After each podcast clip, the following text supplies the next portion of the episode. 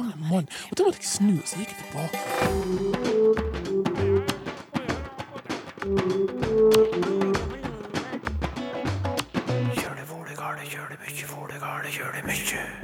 Bokmål har en defekt, mener språkprofessor.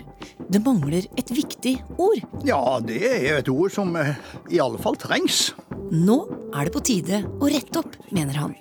Og vi står foran det store navneskiftet i kommuner og fylker. Og slikt kan det bli bråk av. For det er så utrolig mange sterke følelser i sving når eh, navn skal velges. Vel møtt til Språkteigen. For et par uker siden tok vi opp temaet de og dem her i Språkteigen. Altså det at objektsforma dem brukes lite i talemålet. Noen dager senere fikk Språkteigen en e-post med nærmest motsatt problem. Et ord som brukes mye, men som ikke er tatt inn i det offisielle skriftspråket. E-posten kom fra deg, pensjonert språkprofessor Arne Torp, og hva slags ord er det du sikter til? Ja, det er et ord som eh, ble brukt en god del av folk her på Østlandet, eh, og som da ikke står i verken nynorsk- eller bokmålsordbøkene, men som eh, i alle fall trengs. Og det er Dems. dems, ja. Ja, det er et eh, entydig skille mellom andre- og tredjeperson flertall i eh, eiendomsformene. Ja, For der har alle former for norsk et skille mellom det som tilhører dere, og det som tilhører deg der borte, noen andre. Ja. Altså andre- og treperson. Alle former for norsk talemål har det, tror jeg. Bortsett ifra det offisielle bokmålet. Der mangler det skillet. Så hva sier vi på bokmål, da? Deres og deres. Og det er det ingen andre språk som jeg kjenner til, eh, iallfall ikke Europa. Eh, Jeg kjenner ikke til, har ikke oversikt over alle verdens språk. Men i Europa tror jeg ikke det er noe språk som ikke skiller mellom eieform eierform i andre- og tredjeperson flertall. Eh, På dansk kan det skille veldig klart mellom 'hun tog deres bil' og 'han tog jeres båt'. Ja. Og akkurat på svensk 'hun tog deres bil' og 'han tog er båt'. Akkurat det samme skillet. Nynorsk 'hun tok bilen deres, og 'han tok båten dykker. Så som et eksempel, da. Jeg må skrive 'han tok deres bil og båten deres', mens på dialekt så ville jeg sagt 'han tok deres bil og båten dems'. Ja, nettopp. En kan jo ha deies og, og mange andre dialektale varianter. Men dems er oslomålsvarianten av dette her. Altså den som eh, helt klart vil ha størst sjanse til å kunne bli hva skal vi si, offisiell eh, bokmålsform. Du mener dette er en mangel i bokmålet, men hvorfor har det oppstått, da? Det var en uh, ulykke i, under fornorskingsprosessen. For på dansk så heter det altså deas og jeas, og så skulle jeas ut tidlig på 1900-tallet. Hvordan har det seg at dems, eller en variasjon av det, da, har dukka opp i eh, talemålet? Det er skjedd på akkurat den samme måten som en har eierformer i andre ø, pronomene. Eh, Hvis du har dere, annenpersonflertall, så har du eierformer deres. Og så har du han, og så har du eierformer hans. Og så er det litt mer komplisert i hokjønn, eh, for da har du hun og henne. Og da bygger altså eierformer på objektsformer hennes. Og så Nå kommer vi til poenget. I tredjepersonflertall har du da akkurat det samme som du har hokjønn entall. Du har de og dem, som skal være subjekt og objektsform. Ja. Det er opplesende og vedtatt, og det syns alle er veldig korrekt. Og så lager vi eierforma dems på objektsforma av pronomene. Så den forma har det norske folk på Østlandet, Sør-Østlandet, eh, funnet ut helt uten hjelp av filologer. Dette er noe som bare kom inn i det muntlige språket av seg Ja, selvfølgelig. Ja. Alt kommer jo inn i det muntlige, muntlige språket. Men her er altså en opplagt defekt i pronomensystemet i eh, bokmålet, som bokmålet altså da er aleine om i Europa. Jeg vet ikke om det er noe stas å være aleine om en defekt, men sånn er det faktisk. Og du syns dette er mye mer interessant å diskutere enn å drive og snakke om de og dem? Ja, det må jeg virkelig si, altså. Hvorfor det? Jo, fordi at dette er jo da snakk om å eh, slippe fram en distinksjon som alt norsk talemål har. Det er jo viktig å kunne vite om det er dere, eller om det er de der borte som eier dette eller annet. Hvorfor gjøres det ikke noe med dette her? da? Ja, det er et godt spørsmål. Og det kan du få litt svar av ved å kikke på hva de skriver om dems. For folk er jo klar over at denne forma fins. Her er noe som jeg har lest på noe sånne u... eh, Usosiale medier. usosiale medier, ja. Usortert, ja. Hva betyr dems? Og så kommer det da svar. Ord funnet opp av folk som ikke vet om ordet deres. Bruk av ordet kan føre til spryk på norsk tentan, og at alle oppfatter deg som idiot. Ja. Men så sier en annen en eh, på en sånn diskusjon. Spør I likhet med alle ord i verden er dette ordet funnet opp av folk, siden det gir mer mening og høres bedre ut enn ordet deres. Da er han inne på noe. At det høres bedre ut, det vet jeg ikke. Men at det gir bedre mening, det gjør det. Og jeg syns det er på tida å få det inn i offisielle former nå. På tide å få dems inn i offisielle former, mente pensjonert språkprofessor Arne Torp. Og hva sier du til det, direktør for Språkrådet, Åse Vetås? Ja, Det første jeg sier, det er at dems er jo inne i talespråket. Så dette er et ord som vi vet at er mye i bruk. Vi får en del spørsmål om form og dems. Noen lurer på om de kan skrive det, noen lurer på om andre kan skrive det, og noen ser vi at mener, sånn som Arne Torp, at en burde kunne skrive det. Og av de grunnene som Arne Torp eh, regner opp, så er det noen grunner til at det kunne vært normert i skrift. Ja, det kunne ha vært, sier du, men blir Ja, det men det? det er det altså ikke. Nei. Dems har aldri gjennom de mer enn 100 åra vi har holdt på nå med normering av eh, bokmålet, vært en gjeldende rettskrivingsform. Og generelt så er det sånn at eh, pronomensystemet er temmelig stramt normert. Vi har jo et stort mangfold av former og systemer eh, i dialektene. Det er mange forskjellige varianter. Og der er det lagd noen samleformer i skriftspråket. Tenk bare på alle de variantene der er av uh, førsteperson entall personlig pronomen. Altså det er jeg, og det er je, og det er e, og det er æ, og det er i, så videre og så videre. Og der har en altså valgt eh, samleformen jeg på bokmål og jeg på nynorsk. Sånn at det her er det gjort noen temmelig røffe valg for å få et enhetlig skriftuttrykk. Og da er spørsmålet, skal du gjøre et like røft valg med nettopp dems? Altså det som taler imot at vi skal ta inn dems i normen, det er at eh, nå er det et overordna ønske at eh, vi skal ha en stabilitet i rettskrivinga. Det taler helt klart mot å innføre en ny valgfrie form på et så sentralt punkt. Og så er det sånn at eh, vi ser at eh, dems er litt grann brukt i skrift, selv om det aldri har vært en del av norma, men det er ikke mye utbredd i skrift. Nei, men det blir jo feil. Og da blir jo ikke bruken så veldig hyppig når det egentlig ikke er lov. Nei, ikke sant. Og her kan en jo spørre seg hva som er høna og hva som Ja. er egget, men i hvert fall så er det sånn at uh, i og med at dems aldri har vært en del av det offisielle skriftspråket, så, eh, så finnes det lite av det. Vi ser at det er en del andre eh, former som er utenfor normen, som, eh, som presser seg fram på en del områder. Da vurderer vi på nytt. Eh, I tilfelle dems så er det helt klart, som Arne Torp sier, grunner til at det kunne vært en del av normen, men, eh, men vi er generelt veldig tilbakeholdne med å utvide normen, og særlig på sånne sentrale områder som i pronomensystemet.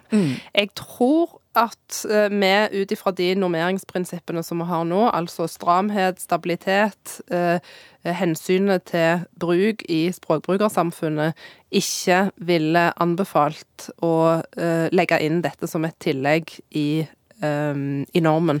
Noe av poenget til Arne Torp her er jo dette misforholdet mellom ordet dems, som brukes i talemålet, og objektsformen dem, som begynner å bli overflødig. Og ser du det? Ja, det er litt interessant det der, for eh, det Arne Torp reiser her, det er i grunnen det motsatte av problemet av de-dem-problemet.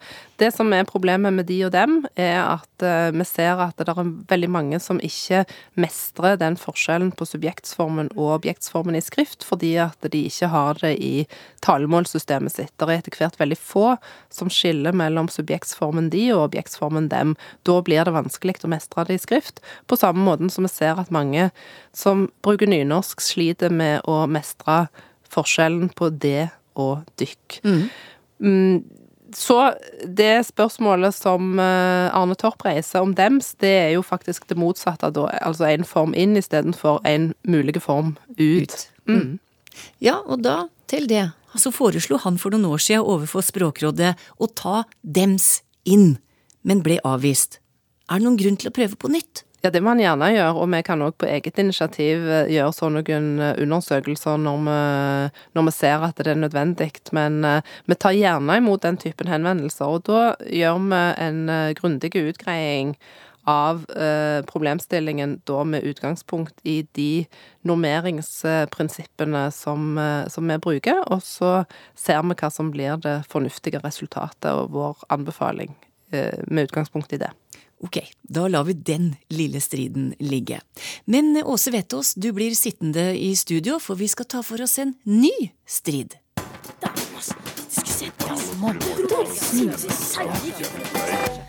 Vi skal iallfall til noe som historisk sett har ført til strid og krangel, nemlig valg av navn på fylker og kommuner. Og Åse Vetås, språkdirektør, nå er det altså på'n igjen. Jo, det er det. Nå kommer jo både kommunereformen og endringen i de større eh, regionsinndelingene samtidig, så nå er det veldig mye som er kasta opp i lufta samtidig på dette området. Og hvis vi skal se på fylkesnavnene, så må vi altså helt tilbake igjen til 1918. Da var de eh, forrige gang oppe til diskusjon, og da kom eh, lov om rikets inndelingsnavn. Mm. Debattene rundt omkring er jo allerede i gang, og du oppfordrer dem til å ta dette på det høyeste alvor, for å bruke en politikerfrase. Absolutt. Eh, vi vet at navn betyr veldig mye for eh, identiteten til folk, og derfor er det et område som en da ikke skal ta lett på. Mm, så det er ikke tida for moroklumper, dette her, altså?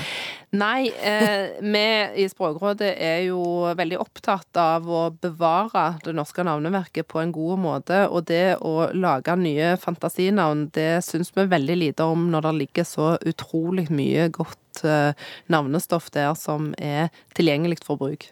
Men folket må engasjeres, og navnekonkurransene er i gang. Nå er det vel Mordor eller Gokk som leder an på folkemålingene. Avisa i Tromsø har vekket humoren hos folk med sin uformelle navnekonkurranse på det nye sammenslåtte fylket Troms og Finnmark. Men liker du slike navnekonkurranser, Åse Vettås?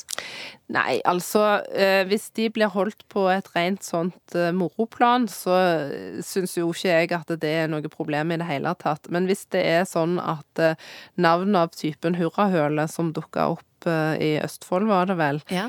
faktisk begynner å, å, å bli lufta fram som noe som har realitet bak seg, da syns jeg ikke det fungerer så kjempegodt, altså. Det var en konkurranse som òg P3-programmet Verdens rikeste land la spesielt merke til. Askim, Hobøl, Eidsberg og Spydberg skal sammenslås, ja. og lokalavisen, hva heter den igjen? Uh, Smålendene. Ja, har holdt en avstemning om hva den nye kommunen skal hete, og et av alternativene de listet opp, var hurrahølet. Noe verdens rikeste land ikke eh, klarte å gi slipp på. Istedenfor så mobiliserte vi det ganske land for å stemme denne opp til en suveren førsteplass. Jeg kan jo, kan jo røpe såpass da, at det antageligvis ikke blir hurrahølet. Du må du vi har da Sa, Folket har jo talt, mann! Har du ikke vært på Smålenden og sett hvordan avstemningen gikk her nå da, Tor? Hurra, hurra, vant jo suveren! Nei da, vi, vi, vi, kommer til å ha en prosess på det oss imellom, eh, vi fire kommunene. Mm. Og så skal vi helt sikkert lande på et, et, mm. navn som vi alle sammen skal ha glede av i mange generasjoner framover. Det sa ordfører i Askim, Tor Hals. Det som er viktig, det er at eh, navn og navnespørsmål blir satt høyt opp på den politiske dagsordenen, og at eh, avgjørelsen om navn blir tatt tidlig. Vi ser i en del sånne sammenslåingsprosesser at en har et slags sånn prosessnavn, et sånn foreløpig navn, som kanskje dessverre fester seg uten at det har vært noen skikkelig diskusjon om det, og det, det fører som regel til uh, uenighet. Dette her er ikke enkle prosesser. Noen ganger kan det stå bare på én en eneste bokstav, for eksempel den gangen valget sto mellom Egersund eller Eigersund. Eigersund. Hvorfor det? Jeg er best vant med det. Jeg syns det er noe forbannet dritt. Hvorfor det? Jeg syns det er andre ting også å bruke penger på i de tantiene. Jeg syns det er noe tull hvis ikke politikerne klarer å bestemme om det skal være E eller I i navnet. Hva har vi da valgt de for? Jeg syns det er noe, bare noe surr alt sammen. Hele greiene. Og historisk sett har altså navneendringer ført til mye strid. Den store navnekrigen i Norge, det var navneskiftet som skjedde fra Trondheim til Nidaros i 1930. Eh, byen var veldig sterkt imot dette. Det var blant annet arrangert en folkeavstemning der eh, nesten samtlige stemte for å beholde Trondheim, men Stortinget vedtok Nidaros. Og det navnet sto som navn på byen i ett år og tre måneder. Så eh, blei navnet endra til Trondheim, som ble da en slags eh, kompromissform, et slags kompromissvalg, fordi at det var så stor motstand mot navnet Nidaros eh, lokalt i byen at det gikk ikke. Det var ruteknusing, og det var kjeppjaging av folk fra byen, og det var svære protester. Og da striden sto mellom Kristiania og Oslo, ble det et eksempel på at navnesaker setter mange krefter i sving. Det var en veldig lang og veldig hard debatt. Det var skarpe fronter. Det var en debatt som trigga alle de politikkområdene som gir en skikkelig eh, klassisk god norsk debatt, sånn som eh, motsetningen mellom by og land, høyresida og venstresida i politikken, eh, målsag eh, alle de tingene der. Og helt inn på målstreken så var det altså sånn at eh, flertallet i det daværende Kristiania kommunestyre var imot navneskiftet til Oslo. Veldig mange assosierte Oslo med eh, gamlebyen, arbeiderstrøk i Oslo, ville ikke ha det som navn på hele byen. Veldig mange assosierte Kristiania med eh, dansk kongevelde gjennom 300 år og ville ha det vekk. Og alle disse tingene her, det lagde en eh, relativt eksplosiv miks. Hvordan tror du denne runden blir? Jeg tror at eh, det som er nøkkelen til å få gode eh, navneløsninger, det er å legge til grunn de overordna føringene vi har. Og vi må òg legge til grunn eh, at stadnavnene våre er eldgamle kulturminner. Og så må vi finne de gode alternativene som mange kan slutte opp om, og som eh, lufter med seg historien vår inn i framtida på en god måte. Det sa direktør i Språkrådet, Åse Vetås. Og bare så det er sagt, Språkrådet er kun rådgivende instans i navnesaker.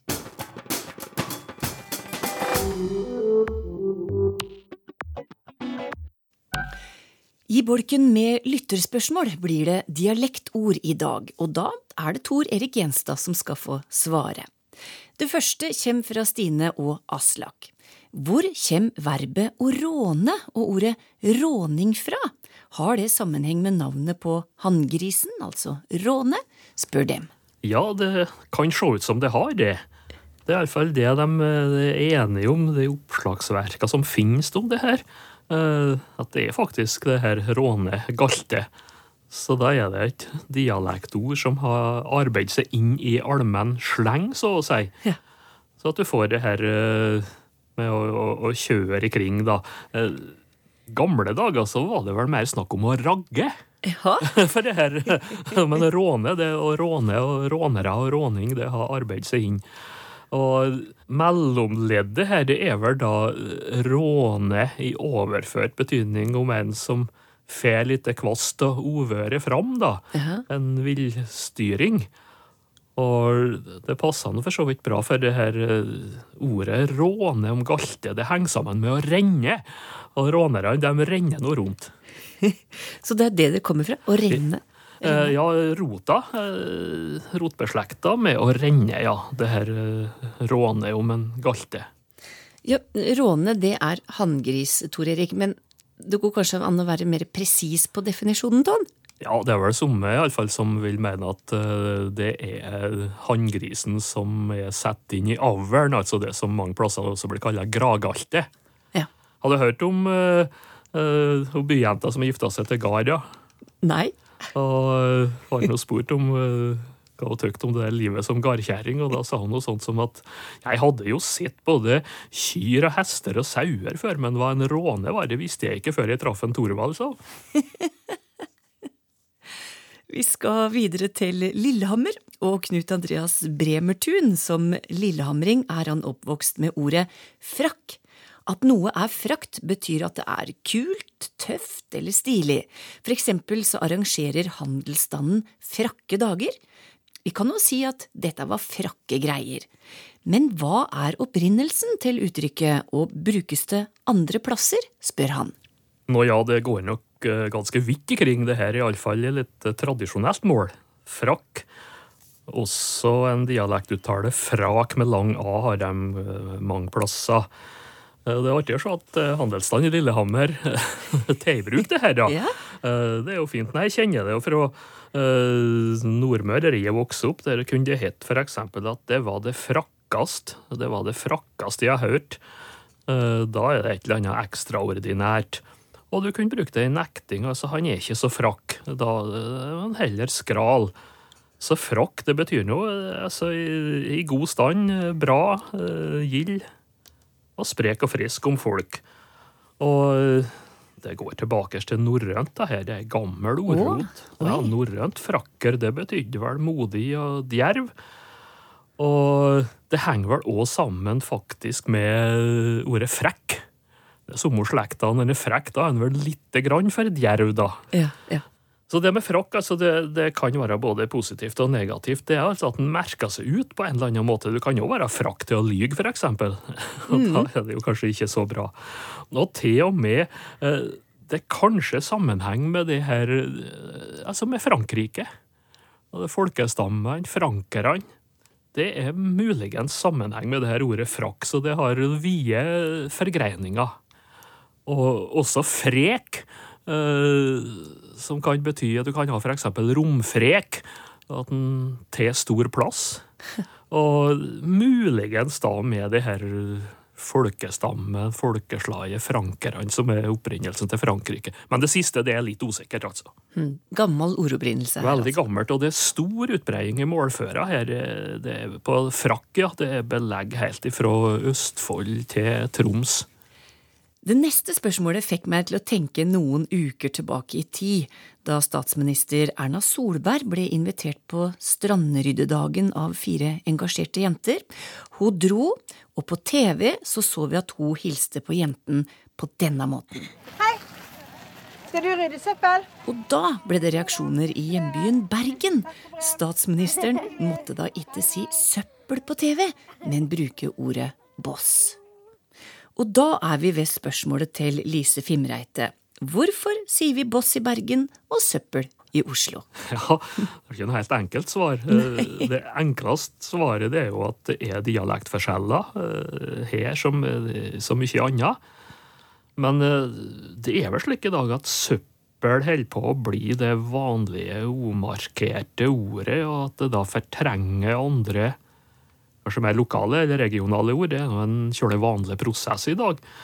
For det ser ut for at søppel i utgangspunktet har hørt til østlandsområdet. Mm. Det er et særnorsk ord. Det finnes da i svenske dialekter, noe lignende, men det henger sammen med å sope. Og Ivar Aasen fører det opp ifra ja, Østlandet og Hallingdalen, så det kan se ut som det har spredd seg, da. Uh, boss er nå òg ganske vanlig, da. Uh, boss eller buss. Eh, du har jo ikke det buss. Ja. Det er samme ordet. Men det kan se ut som det har hatt ei litt mer spesialbetydning. At det i utgangspunktet har vært særlig sånn smått avfall av tørre ting. Altså strå, eh, høy, halm, flise. Smuler, kanskje? Ja, mm. som har vært boss. Mens søppel kanskje er litt videre. Uh, men det er altså ordgeografiske forskjeller her. Eh, I Trøndelag så er det gjerne snakk om rask. Ja. Altså Det er raskbøtt og raskdunk, og du har raskfat på bordet. og eh, og det er andre ord. altså du, Avfall selvsagt vil du kunne bruke, og rusk og graps. Så så er det jo slik at flere av de ordene her vil være kjent for de fleste, men så kan de ha forskjellig geografisk tyngdepunkt. Sverre Hatle skriver til oss etter å ha hørt det engelske ordet flavor brukt på radio i en samtale om matlyst. Altså Poenget var at både smak og lukt, synsinntrykk og hele atmosfæren rundt et måltid var viktig for matlysta, og for å dekke alt dette så ble flavor brukt, fordi vi mangler et ord som, på norsk som er like dekkende, ble det sagt. Og dette er Sverre Hatle uenig i, og mener at vi har et slikt ord, og har henta fram ordet dom. Hva sier du til det, Tor Erik? Jeg, eh, jeg syns det er et godt forslag. Ja? Uh, dom er et vidt begrep, og det kan sikkert òg dekke engelsk flavor i mange sammenhenger. Og Sverre Hatle er jo sjøl gode eksempel på forskjellig slags bruk. En dom av nordisk lynne, for eksempel. Så at det også kan brukes overført og abstrakt. Men det, det har nok starta ut uh, om konkrete sanseinntrykk, uh, som smak og lukt Eh, domer i norrønt ser ut for å, å gå mest på smak. Ja. Men altså smak, lukt, og så utsjåna. Eh, og så etter hvert da nyanse og inntrykk mm. i det hele tatt. Jeg kjenner jo fra spellemannskretser eh, at det er folk som har mer eller mindre god dåm i spillet sitt. Altså særpreg, karakter. Så det, det, er ikke nok engelsk flavor på på kjøle mange måter. Eh, nå er det somme, tror jeg, som kanskje vil ha eh, litt negative assosiasjoner òg, for lukt. Det kan bli brukt om vond lukt, og det er noe som heter skitdåm. og da blir det jo ikke så bra, men, men det, er, det, er, vel litt marginalt. Så dåm er aller oftest positivt, vil jeg tro. Mm. Men det er jo ikke så mye brukt, så det ville kanskje Nei. være vanskelig å forstå hvis en Ja, det er vel mest uh, brukt i nynorsk, da. Mm. Men det er jo fullt lovlig i bokmål, og uh, det er nå egentlig bare å, å, ta det i bruk hvis en føler det ferdig. Tror nok det blir forstått. Mm. Jeg kan jo nevne litt artig ting her som en del folk kanskje ikke er klar over, at vi har jo det her ordet godemt. Som en bruker på trøndersk, og det er noe uh, gjerne om folk uh, som er god og mett og i godlag. Nei, nå ble vi godemt. Eh, kan jeg si.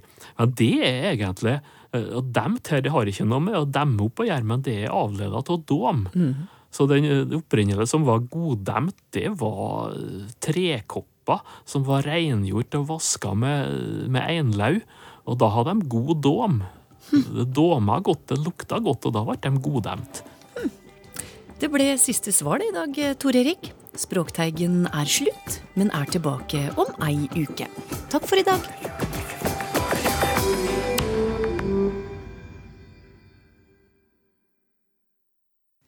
Bokmål har en defekt, mener språkprofessor. Det mangler et viktig ord. Ja, det er et ord som eh, i alle fall trengs. Nå er det på tide å rette opp, mener han.